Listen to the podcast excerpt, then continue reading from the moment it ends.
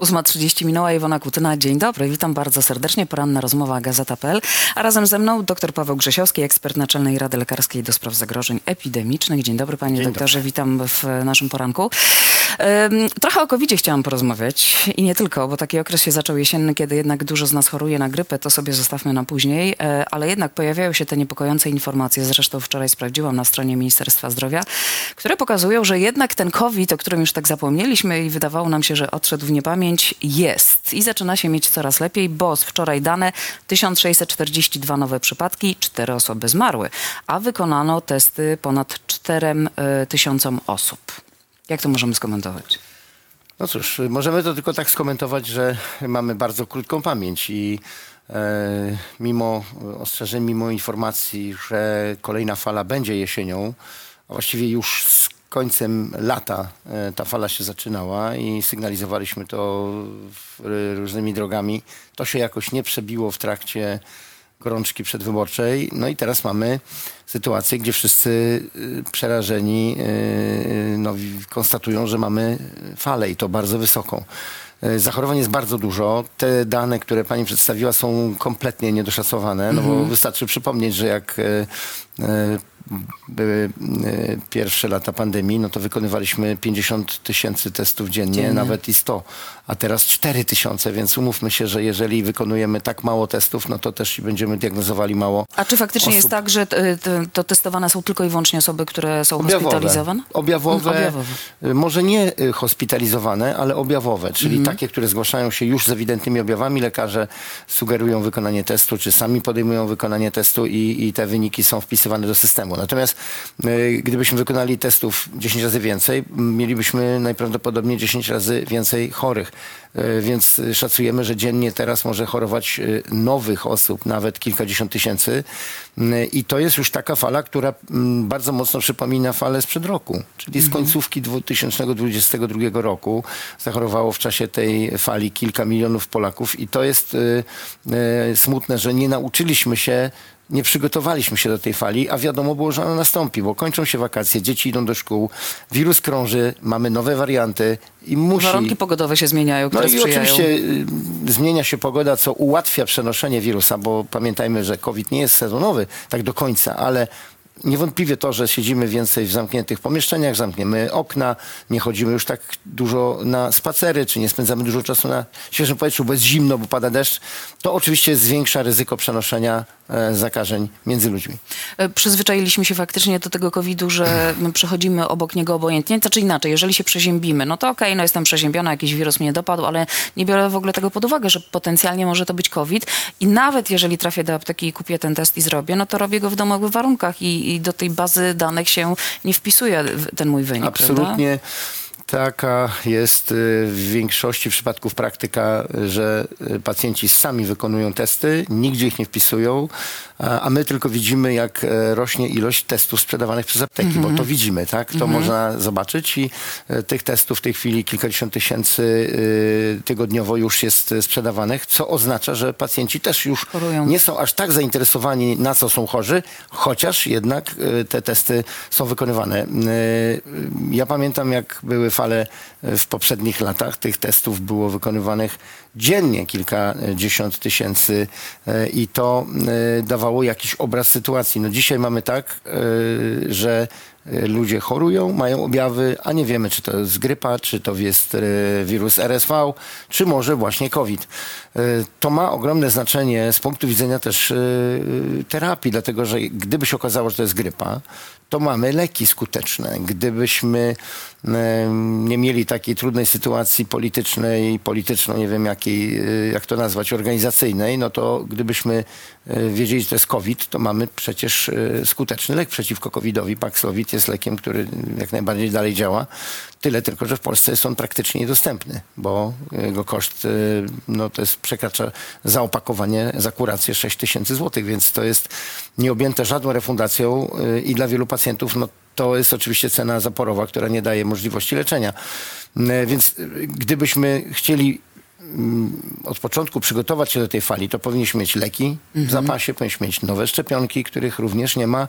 Powinniśmy mieć zapewnione miejsca w szpitalach. Pamiętajmy, że już są pacjenci trafiający z COVID-em do szpitali. Nie ma miejsc. Już koledzy z SOR-ów sygnalizują, że oni nie mają gdzie kłaść pacjenta z COVID-em, bo nie ma takich wydzielonych miejsc, gdzie w Polsce można takiego pacjenta położyć, a na oddziale interny czy na oddziale, nie wiem, ogólnym e, taki pacjent będzie stanowił ogromny problem, tak. bo on jest zakaźny, więc on powinien trafić tak naprawdę na oddział Czyli rozumiem, że e, po oddziałach, po szpitalach tymczasowych, które w czasie COVID-u e, powstały, śladu już nie ma. I tak No naprawdę nie. lekarze czy placówki kompletnie nie wiedzą, znaczy nie wiedzą, no nie mają co zrobić, tak jak pan mówi, z takim pacjentem. Z punktu widzenia organizacyjnego powinno być tak, że są wyznaczone szpitale, które przyjmują tak zwane szpitale mm, izolacyjne, a pozostałe placówki mogą pracować normalnie. Myśmy od początku pandemii mówili, żeby e, w ten sposób e, podzielić placówki i tam, gdzie pacjent, e, gdzie zespół ratownictwa e, medycznego wiezie pacjenta, to powinien być wydzielony obszar, gdzie również możliwa jest dobra izolacja, bo tu o to chodzi, żeby pacjent miał swoją salę,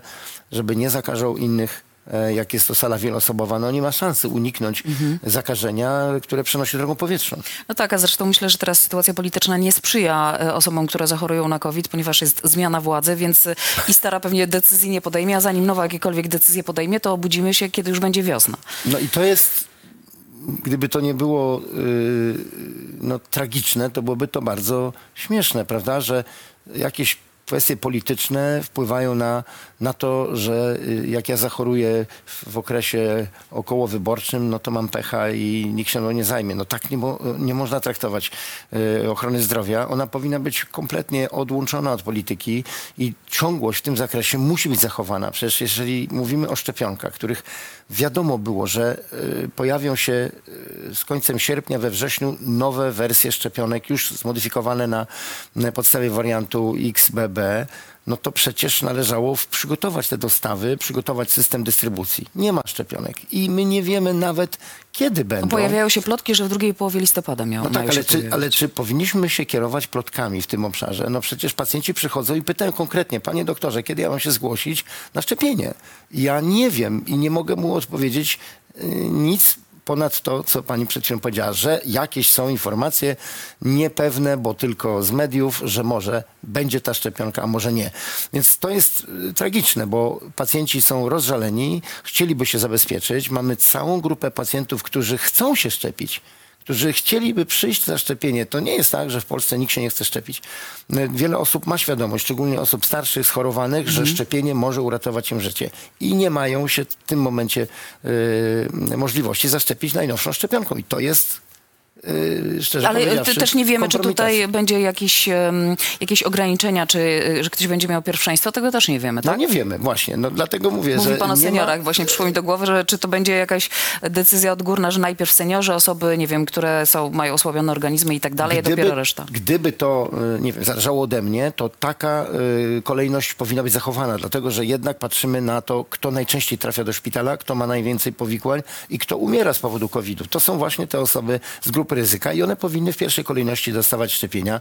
Mamy kobiety w ciąży, które bardzo również nie- źle przechodzą COVID. Mamy personel medyczny, który musi być też traktowany jako priorytet, ponieważ no, kto będzie się zajmował pacjentami, jak e, my się pochorujemy. Więc no mamy grupy, które są jasne i oczywiste, tylko nie mamy czym ich szczepić. Też myślę, że to jest taki moment, żeby uświadomić i powiedzieć, bo ostatnio rozmawiałam z koleżanką w pracy i e, właśnie mówię, że nie ma szczepionek, czekam aż będą, bo sama chciałabym się zaszczepić, ale ona mówi, ale po co? Przecież już COVID-u nie ma. I myślę, że to jest bardzo ważne, żeby jednak cały czas powtarzać, Tak. ten COVID jest i żeby go, no właśnie, jak go traktować? Jak dzisiaj mamy traktować e, COVID? Jak mamy podchodzić do tego? No bo tak jak wcześniej rozmawialiśmy, em, czujemy, że coś nas rozkłada, jakiś wirus, część idzie do apteki, robi jakiś test, większość zapewne nie. Jakoś leczymy się domowymi sposobami w domu. Czy to jest potencjalnie grypa, czy COVID, tego e, nie wiemy. Jak do niego podchodzić? Czy tych nowych mutacji mamy się obawiać? To jednak e, jest na tyle niebezpieczne wciąż, że powinniśmy iść do lekarza i liczyć na jego wsparcie, czy zostawić to i traktować, tak jak mówię, tak jak inny wirus, do którego się już przyzwyczailiśmy. Powinniśmy przede wszystkim traktować e, COVID normalnie, czyli nie jako chorobę już e, no, nieznaną, e, jako chorobę jakąś, no nie wiem, która mm, powinna budzić, nie wiem, lęk czy, czy panikę. Natomiast powinniśmy pamiętać o tym, że jest to choroba jednak, która cały czas podlega zmianom. Te wirusy cały czas mutują. W związku z tym nie jesteśmy pewni, czy na przykład najnowszy wariant nie będzie znów wywoływał cięższych zachorowań. To musi być dlatego powinniśmy też diagnozować, prawda, że y, skoro mamy nowy wariant, to żeby się dowiedzieć, jak przebiega ta choroba, to trzeba najpierw dokonać testu, tak, wykonać test i sprawdzić, że ktoś ma COVID, a nie jest chory na przykład na grypę czy, czy, czy, czy nie, mononukleozę. Więc powinniśmy w pierwszej kolejności jednak powinna być to bardzo mocna, yy, no, że tak powiem, tutaj wytyczna czy wskazówka ze strony yy, czy to Ministerstwa Zdrowia, czy, czy, czy Inspekcji Sanitarnej, czy nie wiem, nadzoru epidemiologicznego, że jednak testujemy. Testy wciąż są refundowane. Pamiętajmy, testy combo, czyli wykrywające grypę, RSV i COVID są refundowane przez NFZ, czyli to nie jest wydatek ze strony lekarza czy, czy pacjenta, żeby ten test wykonać. To są zresztą kilkuzłotowe w tej chwili Tanie są y, też. koszty. To po pierwsze, czyli testujemy. Po drugie, obserwacja naszych objawów. Jeżeli to, co nas dotknęło, przebiega łagodnie, mamy katar, kaszel, nie wiem, stan podgorączkowy i to wszystko jesteśmy w stanie objawowymi lekami jakoś o, o, o- opanować, to oczywiście y, nie, jest konieczna wizyta osobista u lekarza. Można zawsze zamówić telekonsultację i porozmawiać z lekarzem, czy coś jeszcze powinniśmy zrobić. Ale jeśli objawy nasilają się, albo mamy bardzo wysoką gorączkę, albo te objawy są naprawdę, y, przebiegają ciężko, jesteśmy na tyle osłabieni, że trudno nam wstać z łóżka, y, nie wiem, mamy silne bóle mięśniowe, y, czy pojawia się kaszel, który utrudnia nam oddychanie, to to już są wszystko objawy, które jednak powinien skontrolować lekarz, bo nie wiemy, czy tam się w tle nie rozpoczyna jakieś y, poważniejsze, y, na przykład zapalenie płuc. Więc dzisiaj powinniśmy po prostu traktować COVID jak każdą inną chorobę, która mm, występuje w okresie jesienno-zimowym jeżeli objawy tej choroby na tyle są dolegliwe, że nie umiemy sobie z tym poradzić, powinniśmy się zwrócić o pomoc do lekarza. Przecież nikt nie mówi, prawda, że grypa się skończyła albo gruźlica się wyparowała. Wszyscy mówimy, że są choroby zakaźne, w określonych sytuacjach je diagnozujemy i tak samo traktujemy COVID.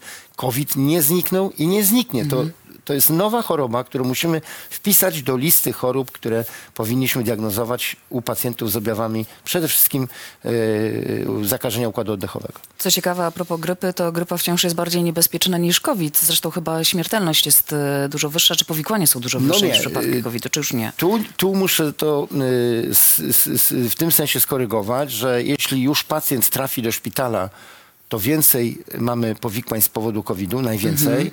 Y, grypa to jest mniej więcej jedna dziesiąta tego, co COVID y, jest w stanie uszkodzić w naszym organizmie.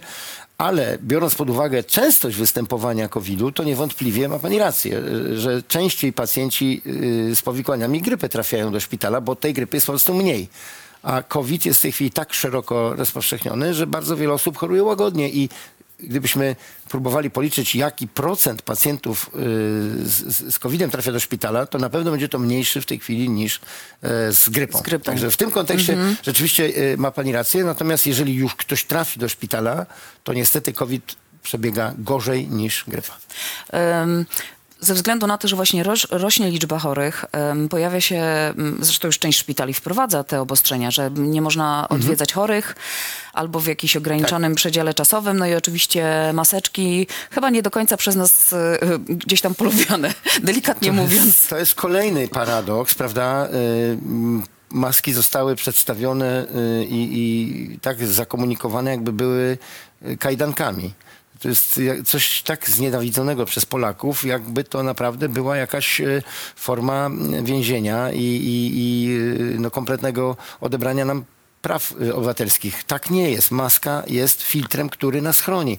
Y, My w maskach pracujemy no, normalnie, prawda? W, w obszarze medycznym zakładamy maseczkę wtedy, kiedy pacjent ma objawy, kiedy się idzie na blok operacyjny. No nie ma tutaj żadnej y, w tym jakiegoś obciążenia. Maska jest czymś, powid, powiedz, powinna być czymś normalnym i maskę powinniśmy zakładać w dwóch sytuacjach. Wtedy, kiedy sami jesteśmy chorzy i nie chcemy zarazić otoczenia i może i ta maska zmniejsza ilość wirusa emitowanego do, do środowiska, a druga sytuacja to wtedy, kiedy ja jestem zdrowy i nie chcę zachorować, a wchodzę na przykład do poczekalni, w przychodni do jakiegoś, nie wiem, tramwaju, autobusu czy metra i są tam ludzie, którzy kaszlą, kichają, wtedy zakładam maseczkę, prawda?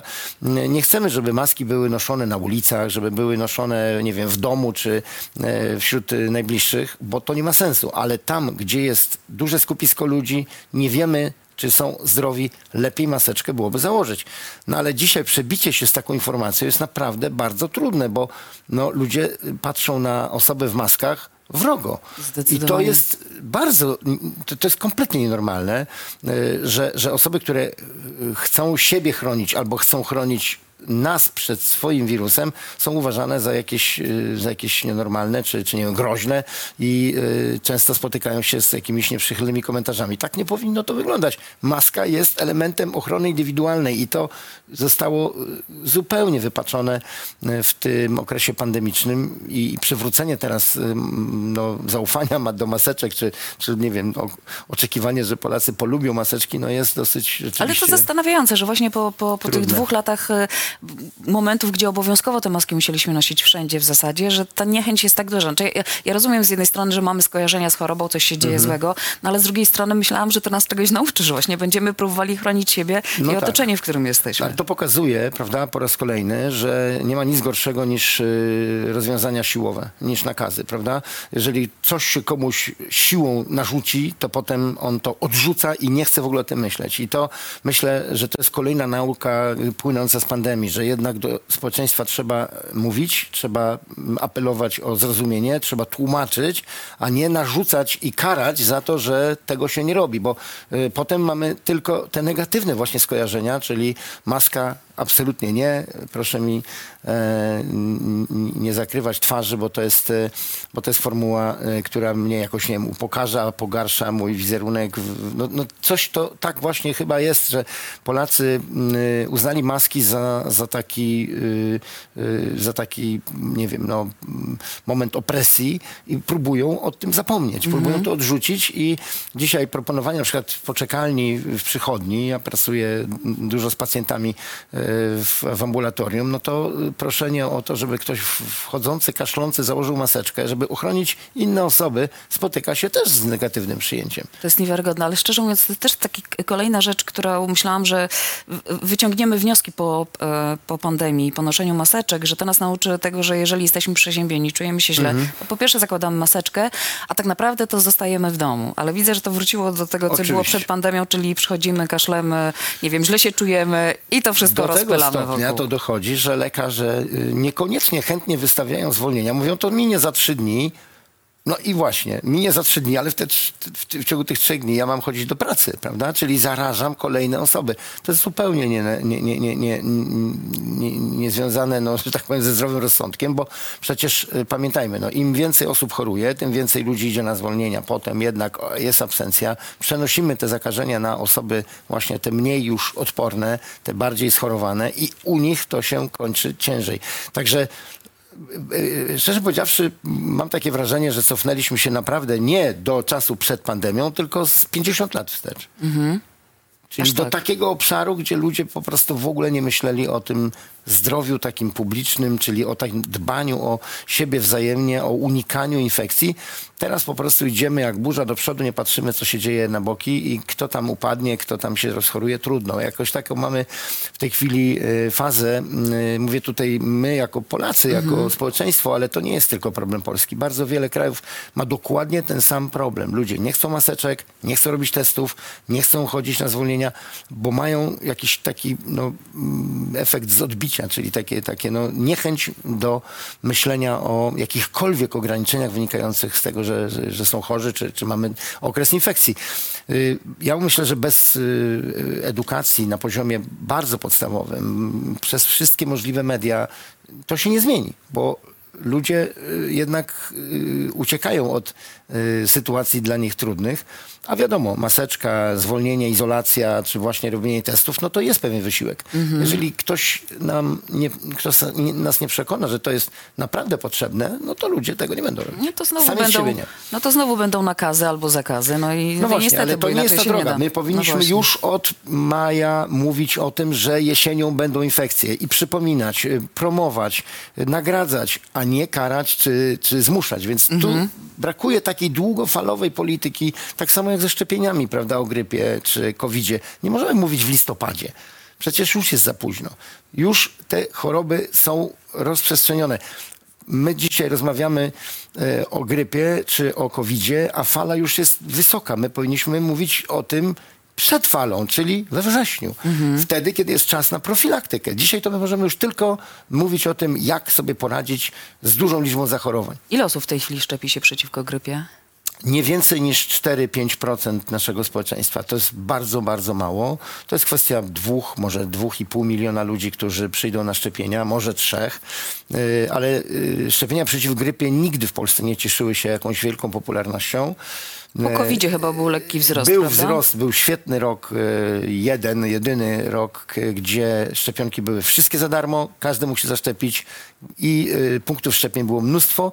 Można było też szczepić się w aptekach. To wszystko zostało w tym roku, e, w tym sezonie zaprzepaszczone. Bałagan, który panuje w tej chwili w szczepieniach przeciw grypie jest, jest nieprawdopodobny. Każda szczepionka e, jeszcze do niedawna miała inną refundację. Recepty nie może wystawić każdy lekarz, tylko lekarz, który ma kontrakt z NFZ-em może dać receptę na bezpłatną szczepionkę.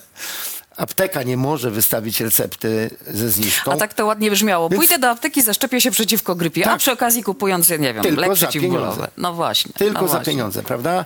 Od, I teraz dopiero ruszyły w listopadzie mm, umowy z NFZ-em. Czy naprawdę tak to musiało wyglądać? Przecież wszyscy wiedzieliśmy, że sezon grypowy będzie. Dlaczego jesteśmy gotowi do podpisywania umów z aptekami w listopadzie? Przecież to już jest Przecież to już jest, wiemy, że za późno. Zanim ludzie dojdą do aptek, zanim te recepty zrealizują, zanim się przyjdą zaszczepić, będzie, nie wiem, grudzień czy styczeń, to już będzie znowu za późno. Także to wszystko dzieje się z opóźnieniem i to tak jest, ym, to, to, dla mnie to tak wygląda, jakby po prostu nie było gospodarza tego całego procesu profilaktycznego, że rzuca się pewnymi hasłami, że mamy szczepionki za darmo. No i co z tego? Jak one leżą i są niewykorzystane, prawda? No tak jak mówię, no bo słyszę, że mam szczepionkę za darmo, idę do apteki, mówię, ja bym chciała szczepionkę przeciwko grypie, a pani mówi, nie, nie, nie, proszę pójść do lekarza, Dokładnie. odpowiedniego lekarza Tak. i wtedy wrócić, no i porozmawiamy. Właśnie, jeszcze to, odpowiedniego lekarza. Nie można pójść do każdego lekarza, tylko trzeba pójść do je- konkretnego lekarza, który ma uprawnienia według NFZ-u, bo przecież myśmy jako lekarze z- nie zgadzamy się z tym, żeby ograniczać y, czy wybierać, że lekarz, nie wiem, który nie ma kontraktu z NFZ-em, to jest gorszy niż ten, który ma kontrakt. Przecież pacjent ma uprawnienia do refundacji, nie ja. Ja jestem tylko przepisywaczem recepty. Dlaczego pacjent zatem jest poszkodowany, bo pójdzie do lekarza bez NFZ-u i on nie może mu wystawić recepty refundowanej czy y, tej bezpłatnej. Więc to, y, te, ten bałagan, to zamieszanie właśnie między innymi właśnie w kwestiach refundacyjnych powoduje, że wielu pacjentów w ogóle rezygnuje ze szczepień. Albo idzie szczepi się za własne pieniądze, co też jest nie, zupełnie niezrozumiałe, bo dlaczego ma pacjent dopłacać 500 zł, 50 zł za e, szczepienie i, i szczepionkę, kiedy ma to za darmo? Tak, no, mocno e, zniechęcający argument zamiast zachęcający, No prawda? właśnie. Ta szczepionka nie jest wprawdzie bardzo droga, ale nie każdego musi stać. No to tak na koniec, krótko panie doktorze. Jesteśmy, mówiliśmy o tym przez chwilę, na etapie zmiany władzy, wszystko na to wskazuje. E, Jakich tutaj kwestii, jeżeli chodzi właśnie o zagrożenia epidemiczne, profilaktykę, oczekiwałby pan od nowego ministra zdrowia, kimkolwiek on będzie? Przede wszystkim zbudowania rzeczywistego systemu profilaktyki. Jego w tej chwili nie ma. Czyli w porozumieniu z ekspertami, a to będę zawsze powtarzał, minister nie jest od e, wymyślania struktur czy programów. Minister jest od realizowania programów, które przygotują mu eksperci. A więc powinno być najpierw oszacowanie jakie kierunki profilaktyczne są najistotniejsze. Przecież ostatnie lata pokazały no, dramatyczne porażki programów profilaktycznych przygotowywanych przez y, odchodzący rząd, prawda? A to 40, a to badania przesiewowe, a to inne jakieś y, prawda, szczepienia, chociażby HPV. Przecież to jest również proces, który kompletnie jest no leży, można mówiąc tak brutalnie powiedzieć, prawda? Zaszczepiło się, nie wiem, 15% y, y, populacji i co? I co dalej? Prawda? Więc znowu mamy taką sytuację. Szczepionkę rzucono za darmo i ona leży, niewykorzystana. Zrobiono mnóstwo, mnóstwo błędów y, w całej tej kampanii, a właściwie w braku kampanii zachęcającej do szczepień przeciw HPV, a można było to wykorzystać, bo to jest jednak konkretna, no już tu nie może być chyba bardziej przekonującego argumentu, że jeśli zaszczepimy zaszczepisz się, mm, czy zaszczepisz swoje dziecko, to może uniknąć choroby nowotworowej. No to są naprawdę, no nie chcę mi się wierzyć, że Polacy chcieli chorować na nowotwory. Tylko ta informacja do nich nie dotarła, albo źle została podana, albo właśnie w jakimś otoczce antyszczepionkowej i to powoduje, że ludzie nie chcą przyjść na te szczepienia. Więc y, oczekiwam od nowych władz przede wszystkim zbudowania systemowego podejścia do profilaktyki i szczepienia to nie jest przecież cała profilaktyka właśnie, badania przesiewowe, szczepienia i inne działania niefarmakologiczne. To powinno być w pewnym e, łańcuchu działań e, i to powinno być tak zaplanowane, żeby mm, społeczeństwo, które, które zachęcamy do działań profilaktycznych, żeby z nim się komunikować, żeby to ono decydowało o tym, że e, czyli ludzie po prostu chcieli tej profilaktyki, a nie żebyśmy ją próbowali, nie wiem, przekupywać, namawiać finansowo, czy jakieś robić, nie wiem, ruchy straszące, prawda? Tutaj chodzi o to, żeby ludzie chcieli być zdrowi. Ja nie chcę się wierzyć, żeby ludzie nie chcieli być zdrowi, tylko nie myślą o tym w taki sposób, jaki my próbujemy im podsunąć. Bardzo serdecznie dziękuję panie doktorze. Doktor Paweł Grzesiowski był razem z nami.